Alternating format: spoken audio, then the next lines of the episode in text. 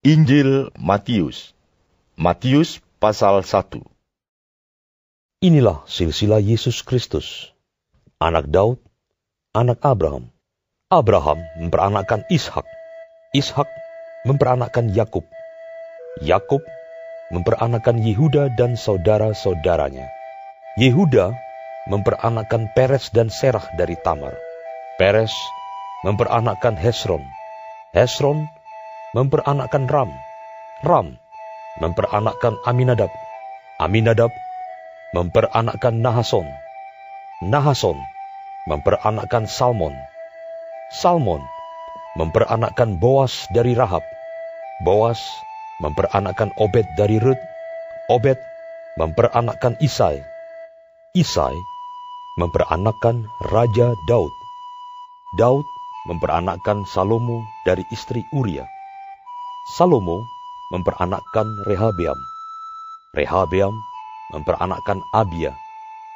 Abia memperanakkan Asa. Asa memperanakkan Yosafat. Yosafat memperanakkan Yoram. Yoram memperanakkan Usia. Usia memperanakkan Yotam. Yotam memperanakkan Ahas. Ahas memperanakkan Hiskia. Hiskia memperanakkan Manasye. Manasye memperanakkan Amon. Amon memperanakkan Yosia. Yosia memperanakkan Yekonia dan saudara-saudaranya pada waktu pembuangan ke Babel. Sesudah pembuangan ke Babel, Yekonia memperanakkan Sealtiel. Sealtiel memperanakkan Serubabel. Serubabel memperanakkan Abihud. Abihud memperanakkan Eliakim. Eliakim memperanakkan Asor. Asor memperanakkan Sadok. Sadok memperanakkan Akim. Akim memperanakkan Eliud. Eliud memperanakkan Eliasar. Eliasar memperanakkan Matan. Matan memperanakkan Yakub. Yakub memperanakkan Yusuf suami Maria yang melahirkan Yesus yang disebut Kristus. Jadi seluruhnya ada empat belas keturunan dari Abraham sampai Daud, empat belas keturunan dari Daud sampai pembuangan ke Babel, dan empat belas keturunan dari pembuangan ke Babel sampai Kristus. Kelahiran Yesus Kristus adalah seperti berikut. Pada waktu Maria, ibunya, bertunangan dengan Yusuf, ternyata ia mengandung dari Roh Kudus sebelum mereka hidup sebagai suami istri. Karena Yusuf suaminya seorang yang tulus hati dan tidak mau mencemarkan nama istrinya di muka umum, ia bermaksud menceraikannya dengan diam-diam. Tetapi ketika ia mempertimbangkan maksud itu, malaikat Tuhan nampak kepadanya dalam mimpi dan berkata, Yusuf, anak Daud, janganlah engkau takut mengambil Maria sebagai istri, sebab anak yang di dalam kandungannya adalah dari Roh Kudus. Ia akan melahirkan anak laki-laki, dan engkau akan menamakan dia Yesus, karena dialah yang akan menyelamatkan umatnya dari dosa mereka. Hal itu terjadi supaya genaplah yang difirmankan Tuhan oleh Nabi. Sesungguhnya anak darah itu akan mengandung dan melahirkan seorang anak laki-laki. Dan mereka akan menamakan dia Immanuel, yang berarti Allah menyertai kita. Sesudah bangun dari tidurnya, Yusuf berbuat seperti yang diperintahkan malaikat Tuhan itu kepadanya.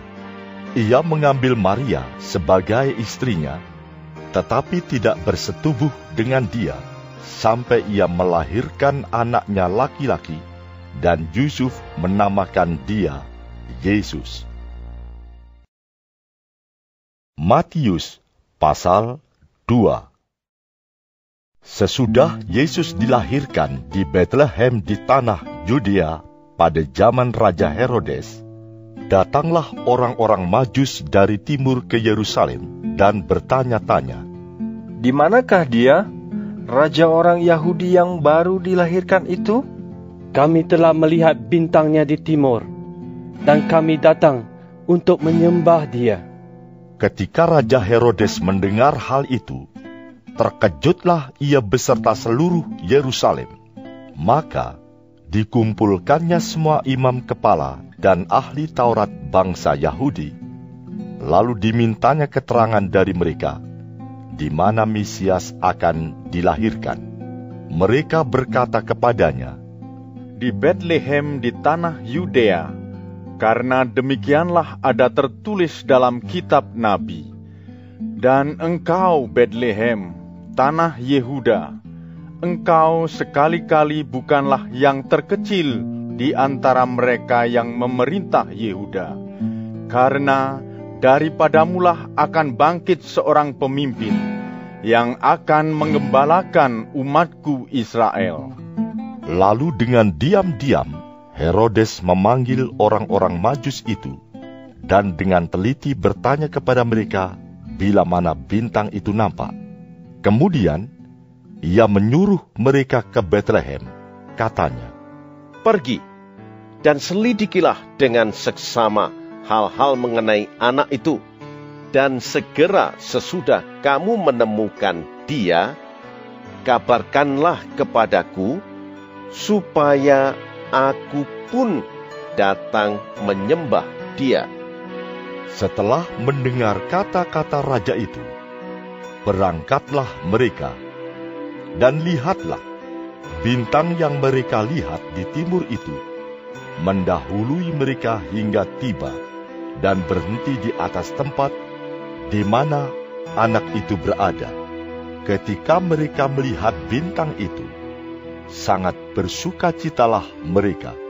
Maka masuklah mereka ke dalam rumah itu dan melihat anak itu bersama Maria, ibunya, lalu sujud menyembah dia. Mereka pun membuka tempat harta bendanya dan mempersembahkan persembahan kepadanya, yaitu emas, kemenyan, dan mur. Dan karena diperingatkan dalam mimpi, supaya jangan kembali kepada Herodes, maka pulanglah mereka ke negerinya melalui jalan lain. Setelah orang-orang Majus itu berangkat, nampaklah malaikat Tuhan kepada Yusuf dalam mimpi dan berkata, Bangunlah, ambillah anak itu serta ibunya. Larilah ke Mesir dan tinggallah di sana sampai aku berfirman kepadamu. Karena Herodes akan mencari anak itu untuk membunuh dia. Maka Yusuf pun bangunlah. Diambilnya anak itu serta ibunya malam itu juga, lalu menyingkir ke Mesir dan tinggal di sana hingga Herodes mati. Hal itu terjadi supaya genaplah yang difirmankan Tuhan oleh Nabi. Dari Mesir kupanggil anakku. Ketika Herodes tahu bahwa ia telah diperdayakan oleh orang-orang Majus itu, ia sangat marah. Lalu ia menyuruh membunuh semua anak di Bethlehem dan sekitarnya, yaitu anak-anak yang berumur dua tahun ke bawah, sesuai dengan waktu yang dapat diketahuinya dari orang-orang Majus itu. Dengan demikian, genaplah firman yang disampaikan oleh Nabi Yeremia. Terdengarlah suara di Rama, tangis dan ratap yang amat sedih. Rahel menangisi anak-anaknya, dan ia tidak mau dihibur, sebab mereka tidak ada lagi. Setelah Herodes mati, nampaklah malaikat Tuhan kepada Yusuf dalam mimpi di Mesir. Katanya, Bangunlah, ambillah anak itu serta ibunya, dan berangkatlah ke tanah Israel, karena mereka yang hendak membunuh anak itu sudah mati. Lalu Yusuf pun bangunlah. Diambilnya anak itu serta ibunya dan pergi ke tanah Israel. Tetapi setelah didengarnya bahwa Archelaus menjadi raja di Judea menggantikan Herodes ayahnya, ia takut ke sana karena dinasihati dalam mimpi, pergilah Yusuf ke daerah Galilea. Setibanya di sana, ia pun tinggal di sebuah kota yang bernama Nazaret.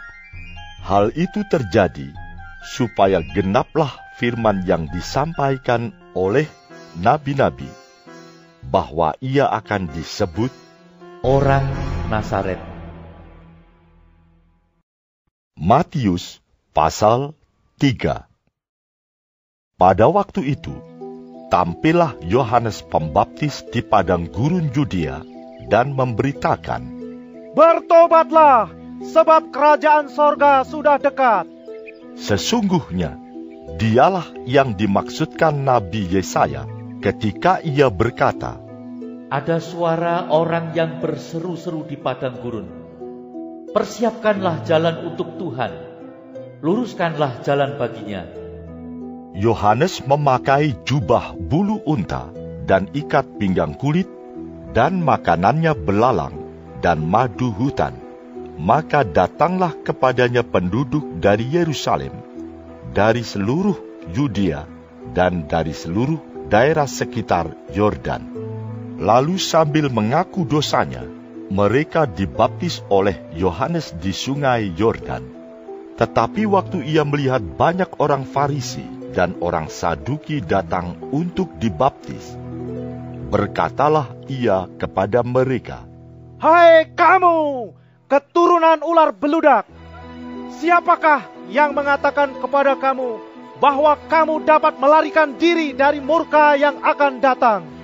Jadi hasilkanlah buah yang sesuai dengan pertobatan. Dan janganlah mengira bahwa kamu dapat berkata dalam hatimu, Abraham adalah bapa kami. Karena aku berkata kepadamu, Allah dapat menjadikan anak-anak bagi Abraham dari batu-batu ini. Kapak sudah tersedia pada akar pohon, dan setiap pohon yang tidak menghasilkan buah yang baik pasti ditebang dan dibuang ke dalam api. Aku membaptis kamu dengan air sebagai tanda pertobatan, tetapi Ia yang datang kemudian daripadaku lebih berkuasa daripadaku, dan aku tidak layak melepaskan kasutnya. Ia akan membaptiskan kamu dengan Roh Kudus dan dengan api. Alat penampi sudah di tangannya. Ia akan membersihkan tempat pengirikannya dan mengumpulkan gandumnya ke dalam lumbung. Tetapi debu jerami itu akan dibakarnya dalam api yang tidak terpadamkan. Maka datanglah Yesus dari Galilea ke Yordan kepada Yohanes untuk dibaptis olehnya. Tetapi Yohanes mencegah dia, katanya, Akulah yang perlu dibaptis olehmu, dan engkau yang datang kepadaku? Lalu Yesus menjawab, katanya kepadanya, Biarlah hal itu terjadi, karena demikianlah sepatutnya kita menggenapkan seluruh kehendak Allah. Dan Yohanes pun menurutinya. Sesudah dibaptis, Yesus segera keluar dari air, dan pada waktu itu juga langit terbuka, dan ia melihat roh Allah seperti burung merpati turun ke atasnya. Lalu terdengarlah suara dari surga yang mengatakan, Inilah anakku yang kukasihi, kepadanya lah aku berkenan. Matius pasal 4 Maka Yesus dibawa oleh roh ke gurun untuk dicobai iblis. Dan setelah berpuasa empat puluh hari dan empat puluh malam, akhirnya laparlah Yesus. Lalu datanglah si pencoba itu dan berkata kepadanya, Jika engkau anak Allah, perintahkanlah supaya batu-batu ini menjadi roti. Tetapi Yesus menjawab, Ada tertulis, manusia hidup bukan dari roti saja, tetapi dari setiap firman yang keluar dari mulut Allah. Kemudian, iblis membawanya ke kota suci dan menempatkan dia di bubungan bait Allah, lalu berkata kepadanya, Jika engkau anak Allah, jatuhkanlah dirimu ke bawah. Sebab ada tertulis, mengenai engkau, ia akan memerintahkan malaikat-malaikatnya, dan mereka akan menatang engkau di atas tangannya, supaya kakimu jangan terantuk kepada batu. Yesus berkata kepadanya, Ada pula tertulis, Janganlah engkau mencobai Tuhan Allahmu. Dan iblis membawanya pula ke atas gunung yang sangat tinggi, dan memperlihatkan kepadanya semua kerajaan dunia dengan kemegahannya, dan berkata kepadanya, Semua itu akan kuberikan kepadamu jika engkau sujud menyembah aku. Maka berkatalah Yesus kepadanya, Enyahlah iblis, sebab ada tertulis, Engkau harus menyembah Tuhan Allahmu, dan hanya kepada dia sajalah engkau berbakti. Lalu iblis meninggalkan dia, dan lihatlah, malaikat-malaikat datang melayani Yesus.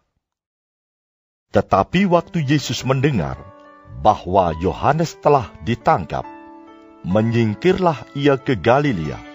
Ia meninggalkan Nazaret dan diam di Kapernaum di tepi danau di daerah Sebulon dan Naftali, supaya genaplah firman yang disampaikan oleh Nabi Yesaya. Tanah Sebulon dan tanah Naftali, jalan ke laut, daerah seberang sungai Yordan, Galilea, wilayah bangsa-bangsa lain. Bangsa yang diam dalam kegelapan telah melihat terang yang besar, dan bagi mereka yang diam di negeri yang dinaungi maut telah terbit terang. Sejak waktu itulah Yesus memberitakan, Bertobatlah, sebab kerajaan sorga sudah dekat. Dan ketika Yesus sedang berjalan menyusur danau Galilea, ia melihat dua orang bersaudara, yaitu Simon yang disebut Petrus dan Andreas saudaranya. Mereka sedang menebarkan jala di danau, sebab mereka penjala ikan. Yesus berkata kepada mereka, Mari, ikutlah aku, dan kamu akan kujadikan penjala manusia. Lalu mereka pun segera meninggalkan jalannya dan mengikuti dia. Dan setelah Yesus pergi dari sana, dilihatnya pula dua orang bersaudara, yaitu Yakobus anak Sibidius dan Yohanes saudaranya, bersama ayah mereka Sibidius sedang membereskan jala di dalam perahu. Yesus memanggil mereka, dan mereka segera meninggalkan perahu serta ayahnya, lalu mengikuti dia. Yesus pun berkeliling di seluruh Galilea. Ia mengajar dalam rumah-rumah ibadat dan memberitakan Injil Kerajaan Allah serta melenyapkan segala penyakit dan kelemahan di antara bangsa itu. Maka tersiarlah berita tentang dia di seluruh Syria, dan dibawalah kepadanya semua orang yang buruk keadaannya, yang menderita pelbagai penyakit dan sengsara, yang kerasukan, yang sakit ayan dan yang lumpuh, lalu Yesus menyembuhkan mereka. Maka orang banyak berbondong-bondong mengikuti dia. Mereka datang dari Galilea dan dari Dekapolis, dari Yerusalem, dan dari Yudea, dan dari seberang Yordan. Matius pasal 5 Ketika Yesus melihat orang banyak itu, naiklah ia ke atas bukit, dan setelah ia duduk, datanglah murid-muridnya kepadanya.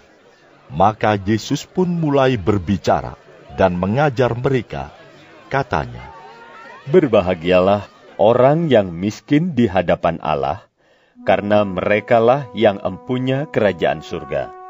Berbahagialah orang yang berduka cita, karena mereka akan dihibur. Berbahagialah orang yang lemah lembut, karena mereka akan memiliki bumi. Berbahagialah orang yang lapar dan haus akan kebenaran, karena mereka akan dipuaskan. Berbahagialah orang yang murah hatinya, karena mereka akan beroleh kemurahan. Berbahagialah orang yang suci hatinya, karena mereka akan melihat Allah. Berbahagialah orang yang membawa damai, karena mereka akan disebut anak-anak Allah. Berbahagialah orang yang dianiaya oleh sebab kebenaran, karena merekalah yang empunya kerajaan surga. Berbahagialah kamu, jika karena aku kamu dicela dan dianiaya, dan kepadamu difitnahkan segala yang jahat. Bersukacita dan bergembiralah, karena upahmu besar di sorga, sebab demikian juga telah dianiaya nabi-nabi yang sebelum kamu. Kamu adalah garam dunia. Jika garam itu menjadi tawar, dengan apakah ia diasinkan? Tidak ada lagi gunanya selain dibuang dan diinjak orang. Kamu adalah terang dunia. Kota yang terletak di atas gunung tidak mungkin tersembunyi.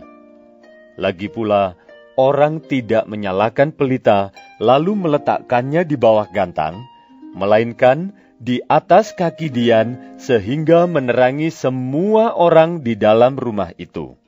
Demikianlah hendaknya terangmu bercahaya di depan orang, supaya mereka melihat perbuatanmu yang baik dan memuliakan Bapamu yang di sorga. Janganlah kamu menyangka bahwa aku datang untuk meniadakan hukum Taurat atau kitab para nabi. Aku datang bukan untuk meniadakannya, melainkan untuk menggenapinya. Karena aku berkata kepadamu, sesungguhnya selama belum lenyap langit dan bumi ini, satu iota atau satu titik pun tidak akan ditiadakan dari hukum Taurat sebelum semuanya terjadi. Karena itu, siapa yang meniadakan salah satu perintah hukum Taurat, sekalipun yang paling kecil, dan mengajarkannya demikian kepada orang lain, ia akan menduduki tempat yang paling rendah di dalam kerajaan surga. Tetapi siapa yang melakukan dan mengajarkan segala perintah-perintah hukum Taurat, ia akan menduduki tempat yang tinggi di dalam kerajaan surga. Maka aku berkata kepadamu, jika hidup keagamaanmu tidak lebih benar daripada hidup keagamaan ahli-ahli Taurat dan orang-orang Farisi, sesungguhnya kamu tidak akan masuk ke dalam kerajaan sorga. Kamu telah mendengar yang difirmankan kepada nenek moyang kita, jangan membunuh. Siapa yang membunuh harus dihukum. Tetapi aku berkata kepadamu, setiap orang yang marah terhadap saudaranya harus dihukum. Siapa yang berkata kepada saudaranya, kafir, harus dihadapkan ke mahkamah agama, dan siapa yang berkata, jahil harus diserahkan ke dalam neraka yang menyala-nyala. Sebab itu, jika engkau mempersembahkan persembahanmu di atas mesbah, dan engkau teringat akan sesuatu yang ada dalam hati saudaramu terhadap engkau, tinggalkanlah persembahanmu di depan mesbah itu, dan pergilah berdamai dahulu dengan saudaramu, lalu kembali untuk mempersembahkan persembahanmu itu. segeralah berdamai dengan lawanmu selama engkau bersama-sama dengan dia di tengah jalan, supaya lawanmu itu jangan menyerahkan engkau kepada hakim, dan hakim itu menyerahkan engkau kepada pembantunya, dan engkau dilemparkan ke dalam penjara. Aku berkata kepadamu, sesungguhnya engkau tidak akan keluar dari sana sebelum engkau membayar hutangmu sampai lunas kamu telah mendengar firman, "Jangan berzina." Tetapi aku berkata kepadamu, setiap orang yang memandang perempuan serta menginginkannya, sudah berzina dengan dia di dalam hatinya. Maka jika matamu yang kanan menyesatkan engkau, cungkilah dan buanglah itu. Karena lebih baik bagimu jika satu dari anggota tubuhmu binasa, daripada tubuhmu dengan utuh dicampakkan ke dalam neraka. Dan jika tanganmu yang kanan menyesatkan engkau, penggalah dan buanglah itu. Karena lebih baik bagimu jika satu dari anggota tubuhmu binasa, daripada tubuhmu dengan utuh masuk neraka. Telah difirmankan juga, siapa yang menceraikan istrinya harus memberi surat cerai kepadanya. Tetapi aku berkata kepadamu, setiap orang yang menceraikan istrinya kecuali karena zina, ia menjadikan istrinya berzina. Dan siapa yang kawin dengan perempuan yang diceraikan, ia berbuat zina. Kamu telah mendengar pula yang difirmankan kepada nenek moyang kita, jangan bersumpah palsu, melainkan peganglah sumpahmu di depan Tuhan. Tetapi aku berkata kepadamu, janganlah sekali-kali bersumpah, baik demi langit, karena langit adalah tahta Allah, maupun demi bumi, karena bumi adalah tumpuan kakinya, ataupun demi Yerusalem, karena Yerusalem adalah kota raja besar. Janganlah juga engkau bersumpah demi kepalamu, karena engkau tidak berkuasa memutihkan atau menghitamkan sehelai rambut pun. Jika ya, hendaklah kamu katakan ya. Jika tidak, hendaklah kamu katakan tidak. Apa yang lebih daripada itu berasal dari si jahat. Kamu telah mendengar firman, mata ganti mata dan gigi ganti gigi. Tetapi aku berkata kepadamu, Janganlah kamu melawan orang yang berbuat jahat kepadamu, melainkan siapa pun yang menampar pipi kananmu, berilah juga kepadanya pipi kirimu. Dan kepada orang yang hendak mengadukan engkau karena mengingini bajumu, serahkanlah juga jubahmu. Dan siapa pun yang memaksa engkau berjalan sejauh satu mil, berjalanlah bersama dia sejauh dua mil berilah kepada orang yang meminta kepadamu, dan janganlah menolak orang yang mau meminjam daripadamu.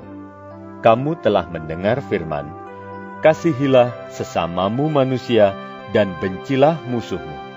Tetapi aku berkata kepadamu, kasihilah musuhmu dan berdoalah bagi mereka yang menganiaya kamu. Karena dengan demikianlah kamu menjadi anak-anak Bapamu yang di sorga, yang menerbitkan matahari bagi orang yang jahat dan orang yang baik, dan menurunkan hujan bagi orang yang benar dan orang yang tidak benar. Apabila kamu mengasihi orang yang mengasihi kamu, apakah upahmu? Bukankah pemungut cukai juga berbuat demikian? Dan apabila kamu hanya memberi salam kepada saudara-saudaramu saja, apakah lebihnya daripada perbuatan orang lain? Bukankah orang yang tidak mengenal Allah pun berbuat demikian? Karena itu, haruslah kamu sempurna. Sama seperti Bapamu yang di sorga adalah sempurna. Matius pasal 6 Ingatlah, Jangan kamu melakukan kewajiban agamamu di hadapan orang supaya dilihat mereka. Karena jika demikian, kamu tidak beroleh upah dari Bapamu yang di sorga. Jadi, apabila engkau memberi sedekah, janganlah engkau mencanangkan hal itu, seperti yang dilakukan orang munafik di rumah-rumah ibadat dan di lorong-lorong, supaya mereka dipuji orang. Aku berkata kepadamu, sesungguhnya mereka sudah mendapat upahnya. Tetapi, jika engkau memberi sedekah, janganlah diketahui tangan kirimu apa yang diperbuat tangan kananmu. Hendaklah sedekahmu itu diberikan dengan tersembunyi, maka Bapamu yang melihat yang tersembunyi akan membalasnya kepadamu. Dan apabila kamu berdoa, janganlah berdoa seperti orang munafik mereka suka mengucapkan doanya dengan berdiri dalam rumah-rumah ibadat dan pada tikungan-tikungan jalan raya, supaya mereka dilihat orang. Aku berkata kepadamu, sesungguhnya mereka sudah mendapat upahnya. Tetapi jika engkau berdoa, masuklah ke dalam kamarmu, tutuplah pintu, dan berdoalah kepada Bapamu yang ada di tempat tersembunyi. Maka Bapamu yang melihat yang tersembunyi akan membalasnya kepadamu. Lagi pula dalam doamu itu, janganlah kamu bertele-tele seperti kebiasaan orang yang tidak mengenal Allah. Mereka menyangka bahwa karena banyaknya kata-kata, doanya akan dikabulkan. Jadi, janganlah kamu seperti mereka, karena Bapamu mengetahui apa yang kamu perlukan sebelum kamu minta kepadanya. Karena itu, berdoalah demikian. Bapa kami yang di sorga, dikuduskanlah namamu. Datanglah kerajaanmu. Jadilah kehendakmu di bumi seperti di sorga. Berikanlah kami pada hari ini makanan kami yang secukupnya dan ampunilah kami akan kesalahan kami, seperti kami juga mengampuni orang yang bersalah kepada kami. Dan janganlah membawa kami ke dalam pencobaan, tetapi lepaskanlah kami daripada yang jahat.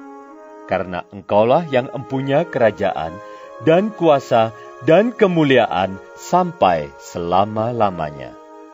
Amin.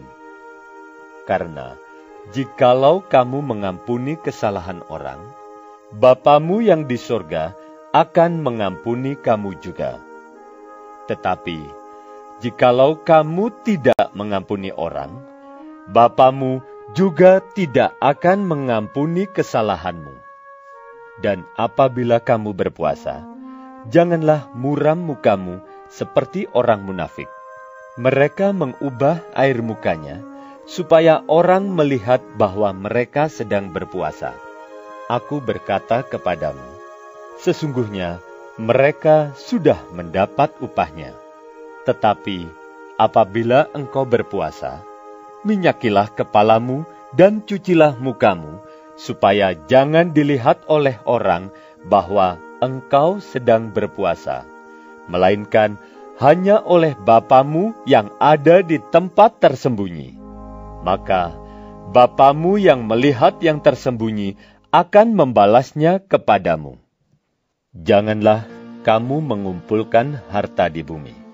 Di bumi, ngengat dan karat merusakkannya, dan pencuri membongkar serta mencurinya. Tetapi, kumpulkanlah bagimu harta di sorga. Di sorga, ngengat dan karat tidak merusakkannya, dan pencuri tidak membongkar serta mencurinya. Karena di mana hartamu berada, di situ juga hatimu berada. Mata adalah pelita tubuh. Jika matamu baik, teranglah seluruh tubuhmu. Jika matamu jahat, gelaplah seluruh tubuhmu. Jadi, jika terang yang ada padamu gelap, betapa gelapnya kegelapan itu. Tak seorang pun dapat mengabdi kepada dua tuan, karena jika demikian, ia akan membenci yang seorang dan mengasihi yang lain, atau ia akan setia kepada yang seorang dan tidak mengindahkan yang lain. Kamu tidak dapat mengabdi kepada Allah dan kepada Mamon. Karena itu, aku berkata kepadamu, janganlah khawatir akan hidupmu, akan apa yang hendak kamu makan atau minum, dan janganlah khawatir pula akan tubuhmu, akan apa yang hendak kamu pakai. Bukankah hidup itu lebih penting daripada makanan, dan tubuh itu lebih penting daripada pakaian? Pandanglah burung-burung di langit yang tidak menabur dan tidak menuai dan tidak mengumpulkan bekal dalam lumbung, namun diberi makan oleh Bapamu yang di surga. Bukankah kamu jauh melebihi burung-burung itu? Siapakah di antara kamu yang karena kekhawatirannya dapat menambahkan sehasta saja pada jalan hidupnya? Dan mengapa kamu khawatir akan pakaian? Perhatikanlah bunga bakung di ladang yang tumbuh tanpa bekerja dan tanpa memintal. Namun, aku berkata kepadamu, Salomo dalam segala kemegahannya pun tidak berpakaian seindah salah satu dari bunga itu.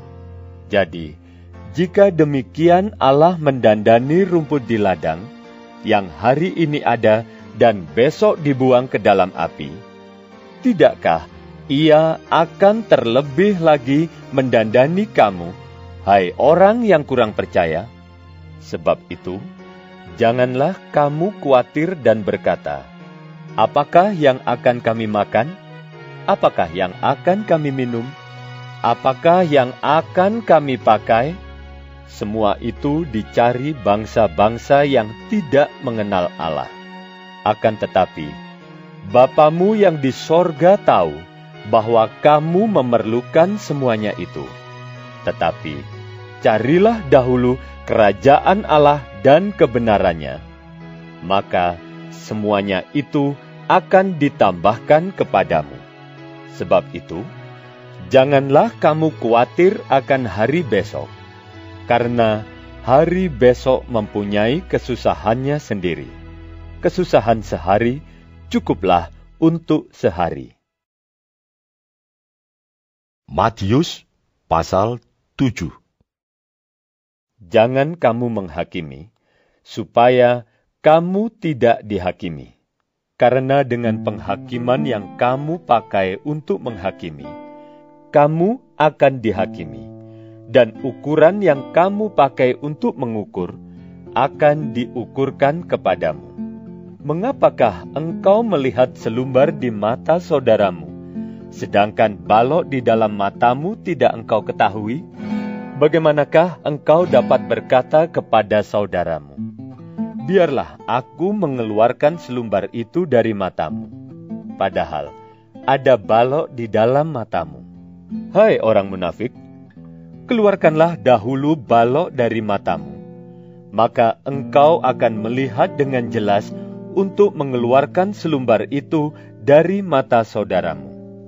Jangan kamu memberikan barang yang kudus kepada anjing, dan jangan kamu melemparkan mutiaramu kepada babi, supaya jangan diinjak-injaknya dengan kakinya, lalu ia berbalik mengoyak kamu.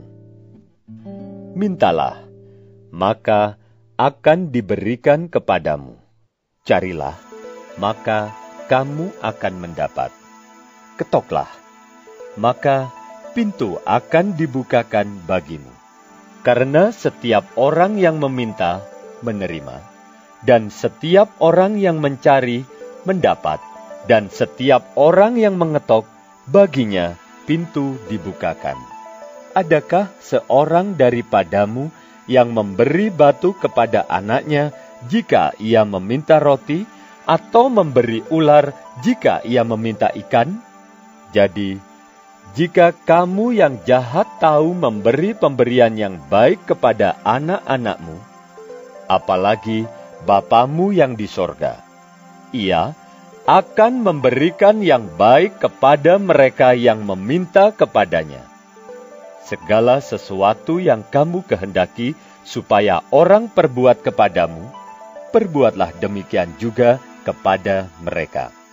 Itulah isi seluruh hukum Taurat dan kitab para nabi.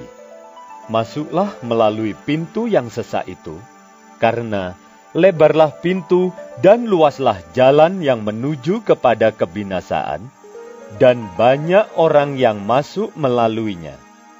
Karena sesaklah pintu dan sempitlah jalan yang menuju kepada kehidupan, dan sedikit orang yang mendapatinya. Waspadalah terhadap nabi-nabi palsu yang datang kepadamu dengan menyamar seperti domba, tetapi sesungguhnya mereka adalah serigala yang buas. Dari buahnya lah kamu akan mengenal mereka. Dapatkah orang memetik buah anggur dari semak duri atau buah ara dari rumput duri? Demikianlah, setiap pohon yang baik menghasilkan buah yang baik, sedang pohon yang tidak baik menghasilkan buah yang tidak baik. Tidak mungkin pohon yang baik itu menghasilkan buah yang tidak baik, ataupun pohon yang tidak baik itu menghasilkan buah yang baik. Dan setiap pohon yang tidak menghasilkan buah yang baik pasti ditebang dan dibuang ke dalam api. Jadi, dari buahnya lah kamu akan mengenal mereka. Bukan setiap orang yang berseru kepadaku, Tuhan, Tuhan, akan masuk ke dalam kerajaan sorga, melainkan dia yang melakukan kehendak Bapakku yang di sorga. Pada hari terakhir, banyak orang akan berseru kepadaku, Tuhan, Tuhan, bukankah kami bernubuat demi namamu? dan mengusir setan demi namamu, dan mengadakan banyak mujizat demi namamu juga? Pada waktu itulah aku akan berterus terang kepada mereka dan berkata, Aku tidak pernah mengenal kamu. Enyahlah daripadaku, kamu sekalian pembuat kejahatan.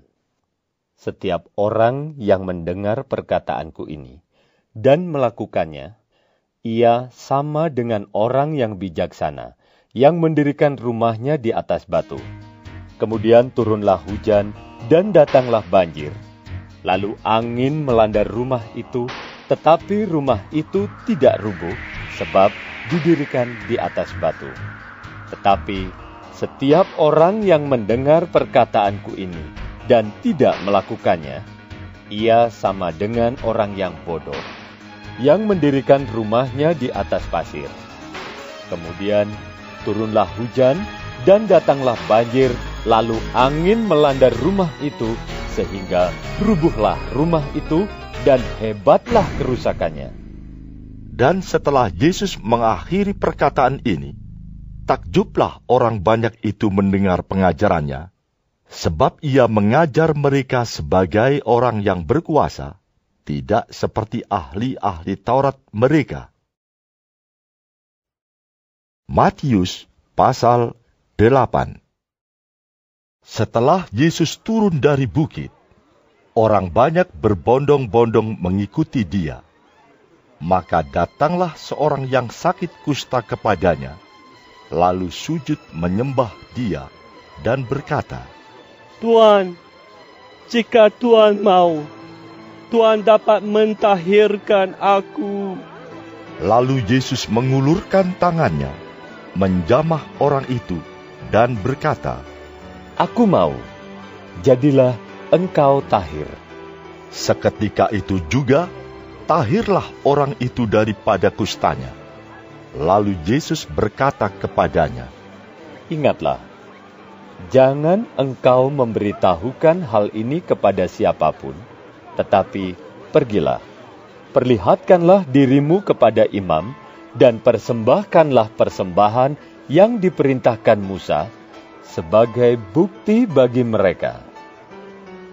Ketika Yesus masuk ke Kapernaum, datanglah seorang perwira mendapatkan dia dan memohon kepadanya, Tuan, hambaku terbaring di rumah karena sakit lumpuh dan ia sangat menderita. Yesus berkata kepadanya, Aku akan datang menyembuhkannya. Tetapi jawab perwira itu kepadanya, Tuan, aku tidak layak menerima Tuan di dalam rumahku. Katakan saja sepatah kata, maka hambaku itu akan sembuh.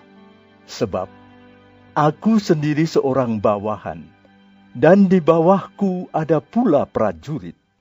Jika aku berkata kepada salah seorang prajurit itu, "Pergi," maka ia pergi, dan kepada seorang lagi, "Datang," maka ia datang, ataupun kepada hambaku, "Kerjakanlah ini," maka ia mengerjakannya. Setelah Yesus mendengar hal itu, heranlah ia dan berkata kepada mereka yang mengikutinya, Aku berkata kepadamu, sesungguhnya iman sebesar ini tidak pernah aku jumpai pada seorang pun di antara orang Israel. Aku berkata kepadamu, banyak orang akan datang dari timur dan barat dan duduk makan bersama-sama dengan Abraham, Ishak, dan Yakub di dalam kerajaan sorga. Sedangkan anak-anak kerajaan itu akan dicampakkan ke dalam kegelapan yang paling gelap, di sanalah akan terdapat ratap dan kertak gigi. Lalu Yesus berkata kepada perwira itu, Pulanglah dan jadilah kepadamu seperti yang engkau percaya. Maka pada saat itu juga sembuhlah hambanya. Setibanya di rumah Petrus, Yesus pun melihat ibu mertua Petrus terbaring karena sakit demam. Maka dipegangnya tangan perempuan itu, lalu lenyaplah demamnya. Ia pun bangunlah dan melayani dia. Menjelang malam, dibawalah kepada Yesus banyak orang yang kerasukan setan, dan dengan sepatah kata Yesus mengusir roh-roh itu dan menyembuhkan orang-orang yang menderita sakit. Hal itu terjadi supaya genaplah firman yang disampaikan oleh Nabi Yesaya. Dialah yang memikul kelemahan kita dan menanggung penyakit kita. Ketika Yesus melihat orang banyak mengelilinginya, ia menyuruh bertolak ke seberang. Lalu datanglah seorang ahli Taurat dan berkata kepadanya, Guru, aku akan mengikut engkau, ke mana saja engkau pergi. Yesus berkata kepadanya, Serigala mempunyai liang, dan burung mempunyai sarang, tetapi anak manusia tidak mempunyai tempat untuk meletakkan kepalanya. Seorang lain yaitu salah seorang muridnya, berkata kepadanya, Tuhan, izinkanlah aku pergi dahulu menguburkan ayahku. Tetapi Yesus berkata kepadanya, Ikutlah aku, dan biarlah orang-orang mati menguburkan orang-orang mati mereka. Lalu Yesus naik ke dalam perahu, dan murid-muridnya pun mengikutinya. Sekonyong-konyong, mengamuklah angin ribut di danau itu, sehingga perahu itu ditimbus gelombang. Tetapi Yesus tidur. Maka datanglah murid-muridnya membangunkan dia. Katanya, Tuhan, tolonglah, kita binasa. Ia berkata kepada mereka, Mengapa kamu takut, kamu yang kurang percaya? Lalu bangunlah Yesus menghardik angin dan danau itu. Maka danau itu menjadi teduh sekali. Dan heranlah orang-orang itu. Katanya, Orang apakah dia ini? Sehingga angin dan danau pun taat kepadanya. Setibanya di seberang, yaitu di daerah orang Gadara, datanglah dari pekuburan dua orang yang kerasukan setan menemui Yesus. Mereka sangat berbahaya, sehingga tidak seorang pun yang berani melalui jalan itu. Dan mereka itu pun berteriak, katanya, Apa urusanmu dengan kami? Hai anak Allah, adakah kau kemari untuk menyiksa kami sebelum waktunya? Tidak jauh dari mereka itu, sejumlah besar babi sedang mencari makan. Maka setan-setan itu meminta kepadanya. Katanya, Jika engkau mengusir kami, suruhlah kami pindah ke dalam kawanan babi itu. Yesus berkata kepada mereka, Pergilah. Lalu keluarlah mereka dan masuk ke dalam babi-babi itu. Maka terjunlah seluruh kawanan babi itu dari tepi jurang ke dalam danau dan mati di dalam air. Maka larilah penjaga-penjaga babi itu, dan setibanya di kota, diceritakannya segala sesuatu, juga tentang orang-orang yang kerasukan setan itu. Maka keluarlah seluruh kota mendapatkan Yesus, dan setelah mereka berjumpa dengan dia, mereka pun mendesak supaya ia meninggalkan daerah mereka. Matius pasal 9 Sesudah itu, naiklah Yesus ke dalam perahu, lalu menyeberang. Kemudian sampailah ia ke kotanya sendiri. Maka, dibawa oranglah kepadanya seorang lumpuh yang terbaring di tempat tidurnya. Ketika Yesus melihat iman mereka, berkatalah ia kepada orang lumpuh itu, Percayalah, hai anakku, dosamu sudah diampuni. Maka berkatalah beberapa orang ahli Taurat dalam hatinya, Ia menghujat Allah. Tetapi Yesus mengetahui pikiran mereka, lalu berkata, Mengapa kamu memikirkan hal-hal yang jahat di dalam hatimu? Manakah lebih mudah mengatakan, dosamu sudah diampuni, atau mengatakan, bangunlah dan berjalanlah? Tetapi supaya kamu tahu bahwa di dunia ini anak manusia berkuasa mengampuni dosa.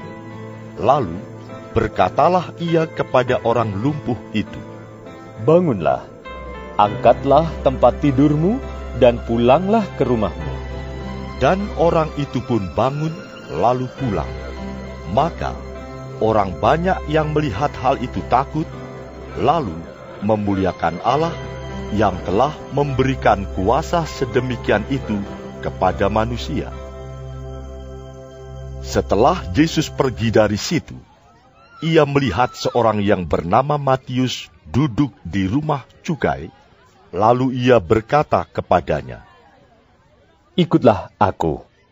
Maka berdirilah Matius, lalu mengikut dia. Kemudian, ketika Yesus makan di rumah Matius, datanglah banyak pemungut cukai dan orang berdosa, dan makan bersama-sama dengan dia dan murid-muridnya. Pada waktu orang Farisi melihat hal itu, berkatalah mereka kepada murid-murid Yesus, Mengapa gurumu makan bersama-sama dengan pemungut cukai dan orang berdosa? Yesus mendengarnya dan berkata, Bukan orang sehat yang memerlukan tabib, tetapi orang sakit. Jadi, pergilah dan pelajarilah arti firman ini. Yang ku kehendaki ialah belas kasihan dan bukan persembahan. Karena aku datang bukan untuk memanggil orang benar, melainkan orang berdosa. Kemudian datanglah murid-murid Yohanes kepada Yesus dan berkata, Mengapa kami dan orang Farisi berpuasa, tetapi murid-muridmu tidak? Jawab Yesus kepada mereka, Dapatkah sahabat-sahabat mempelai laki-laki berduka cita selama mempelai itu bersama mereka? Tetapi waktunya akan datang, mempelai itu diambil dari mereka, dan pada waktu itulah mereka akan berpuasa. Tidak seorang pun menambalkan secari kain yang belum susut pada baju yang tua, karena jika demikian, kain penambal itu akan mencabik baju itu lalu makin besarlah koyaknya. Begitu pula, anggur yang baru tidak diisikan ke dalam kantong kulit yang tua, karena jika demikian, kantong itu akan koyak, sehingga anggur itu terbuang dan kantong itu pun hancur. Tetapi anggur yang baru disimpan orang dalam kantong yang baru pula, dan dengan demikian terpeliharalah kedua-duanya.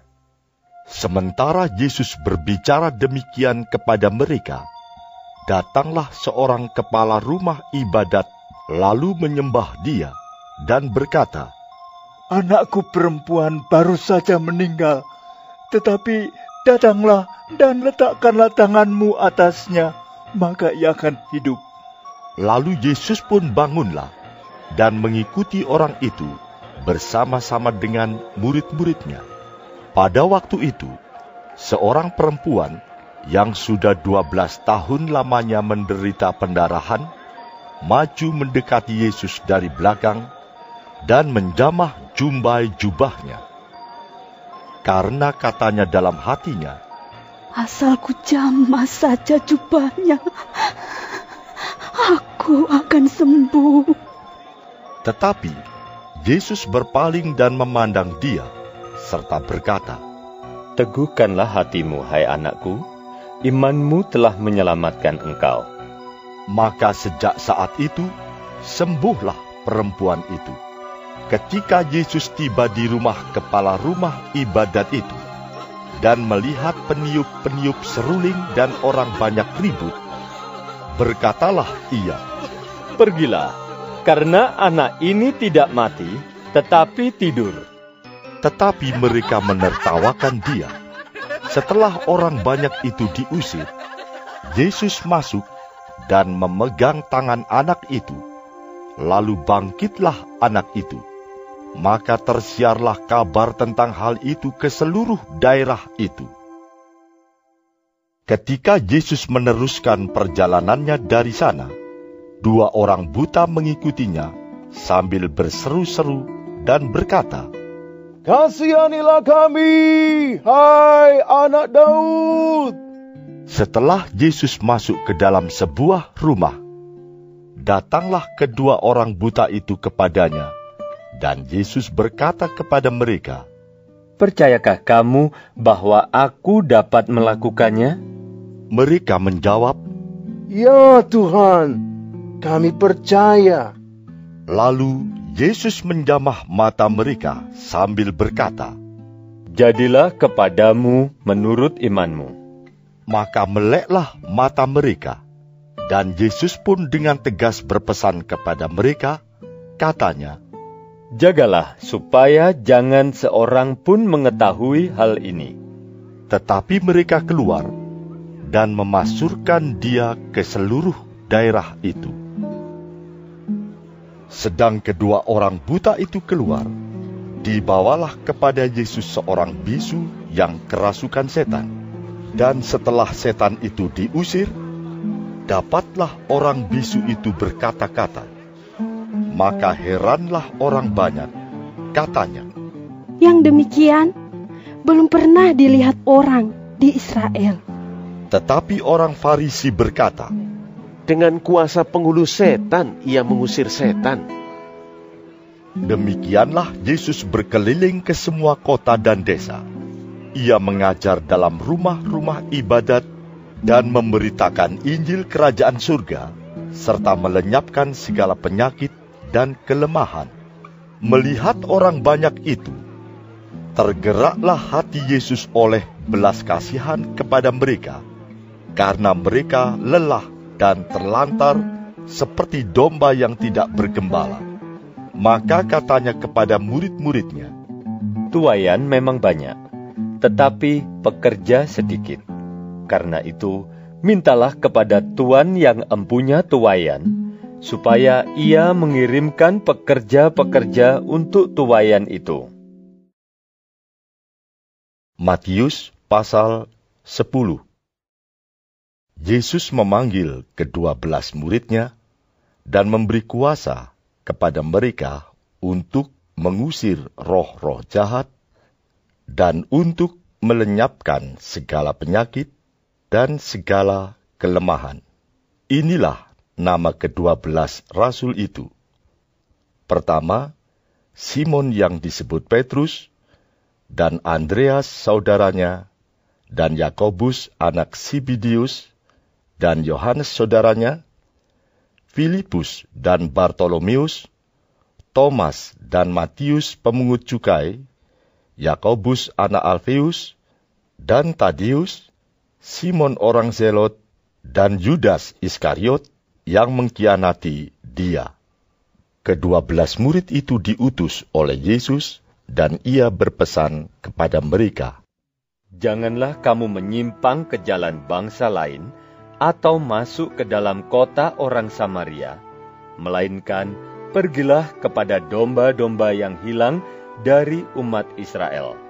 Pergilah dan beritakanlah, kerajaan surga sudah dekat. Sembuhkanlah orang sakit, bangkitkanlah orang mati, tahirkanlah orang kusta, usirlah setan-setan. Kamu telah memperolehnya dengan cuma-cuma, karena itu berikanlah pula dengan cuma-cuma. Janganlah kamu membawa emas, atau perak, atau tembaga dalam ikat pinggangmu. Janganlah kamu membawa bekal dalam perjalanan. Janganlah kamu membawa baju dua helai, kasut, atau tongkat, sebab seorang pekerja patut mendapat upahnya. Apabila kamu masuk kota atau desa, carilah di situ seorang yang layak dan tinggallah padanya sampai kamu berangkat. Apabila kamu masuk rumah orang, berilah salam kepada mereka. Jika mereka layak menerimanya, salammu itu turun ke atasnya. Jika tidak, salammu itu kembali kepadamu. Dan apabila seorang tidak menerima kamu dan tidak mendengar perkataanmu, keluarlah dan tinggalkanlah rumah atau kota itu dan kebaskanlah debunya dari kakimu. Aku berkata kepadamu, sesungguhnya pada hari penghakiman, tanah Sodom dan Gomora akan lebih ringan tanggungannya daripada kota itu. Lihat, aku mengutus kamu seperti domba ke tengah-tengah serigala. Sebab itu, hendaklah kamu cerdik seperti ular dan tulus seperti merpati. Tetapi, waspadalah terhadap semua orang, karena ada yang akan menyerahkan kamu kepada majelis agama, dan mereka akan menyesah kamu di rumah ibadatnya. Dan karena aku, kamu akan digiring ke muka penguasa-penguasa dan raja-raja sebagai suatu kesaksian bagi mereka dan bagi orang-orang yang tidak mengenal Allah. Apabila mereka menyerahkan kamu, janganlah kamu khawatir akan bagaimana dan akan apa yang harus kamu katakan, karena semuanya itu akan dikaruniakan kepadamu pada saat itu juga. Karena bukan kamu yang berkata-kata, melainkan roh Bapamu. Dia yang akan berkata-kata di dalam kamu. Orang akan menyerahkan saudaranya untuk dibunuh. Demikian juga seorang ayah akan anaknya. Dan anak-anak akan memberontak terhadap orang tuanya dan akan membunuh mereka. Dan kamu akan dibenci semua orang oleh karena namaku. Tetapi orang yang bertahan sampai pada kesudahannya akan selamat. Apabila mereka menganiaya kamu dalam kota yang satu, larilah ke kota yang lain. Karena aku berkata kepadamu, sesungguhnya sebelum kamu selesai mengunjungi kota-kota Israel, anak manusia sudah datang. Seorang murid tidak lebih daripada gurunya, atau seorang hamba daripada tuannya. Cukuplah bagi seorang murid jika ia menjadi sama seperti gurunya, dan bagi seorang hamba jika ia menjadi sama seperti tuannya. Jika tuan rumah disebut BL Sebul, apalagi seisi rumahnya. Jadi janganlah kamu takut terhadap mereka. Karena tidak ada sesuatu pun yang tertutup yang tidak akan dibuka, dan tidak ada sesuatu pun yang tersembunyi yang tidak akan diketahui. Apa yang kukatakan kepadamu dalam gelap, katakanlah itu dalam terang. Dan apa yang dibisikkan ke telingamu, beritakanlah itu dari atas atap rumah. Dan janganlah kamu takut kepada mereka yang dapat membunuh tubuh, tetapi yang tidak berkuasa membunuh jiwa. Takutlah terutama kepada Dia yang berkuasa membinasakan, baik jiwa maupun tubuh di dalam neraka. Bukankah burung pipit dijual dua ekor seduit? Namun, seekor pun daripadanya tidak akan jatuh ke bumi di luar kehendak Bapamu. Dan kamu, rambut kepalamu pun terhitung semuanya. Sebab itu, janganlah kamu takut, karena kamu lebih berharga daripada banyak burung pipit. Setiap orang yang mengakui aku di depan manusia, aku juga akan mengakuinya di depan Bapakku yang di sorga. Tetapi barang siapa menyangkal aku di depan manusia, aku juga akan menyangkalnya di depan Bapakku yang di sorga. Jangan kamu menyangka bahwa aku datang untuk membawa damai di atas bumi. Aku datang bukan untuk membawa damai, melainkan pedang. Sebab aku datang untuk memisahkan orang dari ayahnya, anak perempuan dari ibunya, menantu perempuan dari ibu mertuanya, dan musuh orang ialah orang-orang seisi rumahnya. Barang siapa mengasihi bapa atau ibunya lebih daripadaku, ia tidak layak bagiku. Dan barang siapa mengasihi anaknya laki-laki atau perempuan lebih daripadaku, ia tidak layak bagiku. Barang siapa tidak memikul salibnya dan mengikut aku, ia tidak layak bagiku. Barang siapa mempertahankan nyawanya, ia akan kehilangan nyawanya, dan barang siapa kehilangan nyawanya karena aku, ia akan memperolehnya. Barang siapa menyambut kamu, ia menyambut aku. Dan barang siapa menyambut aku, ia menyambut dia yang mengutus aku. Barang siapa menyambut seorang nabi sebagai nabi, ia akan menerima upah nabi, dan barang siapa menyambut seorang benar sebagai orang benar, ia akan menerima upah orang benar. Dan barang siapa memberi air sejuk secangkir saja pun kepada salah seorang yang kecil ini, karena ia muridku, aku berkata kepadamu, sesungguhnya ia tidak akan kehilangan upahnya daripadanya.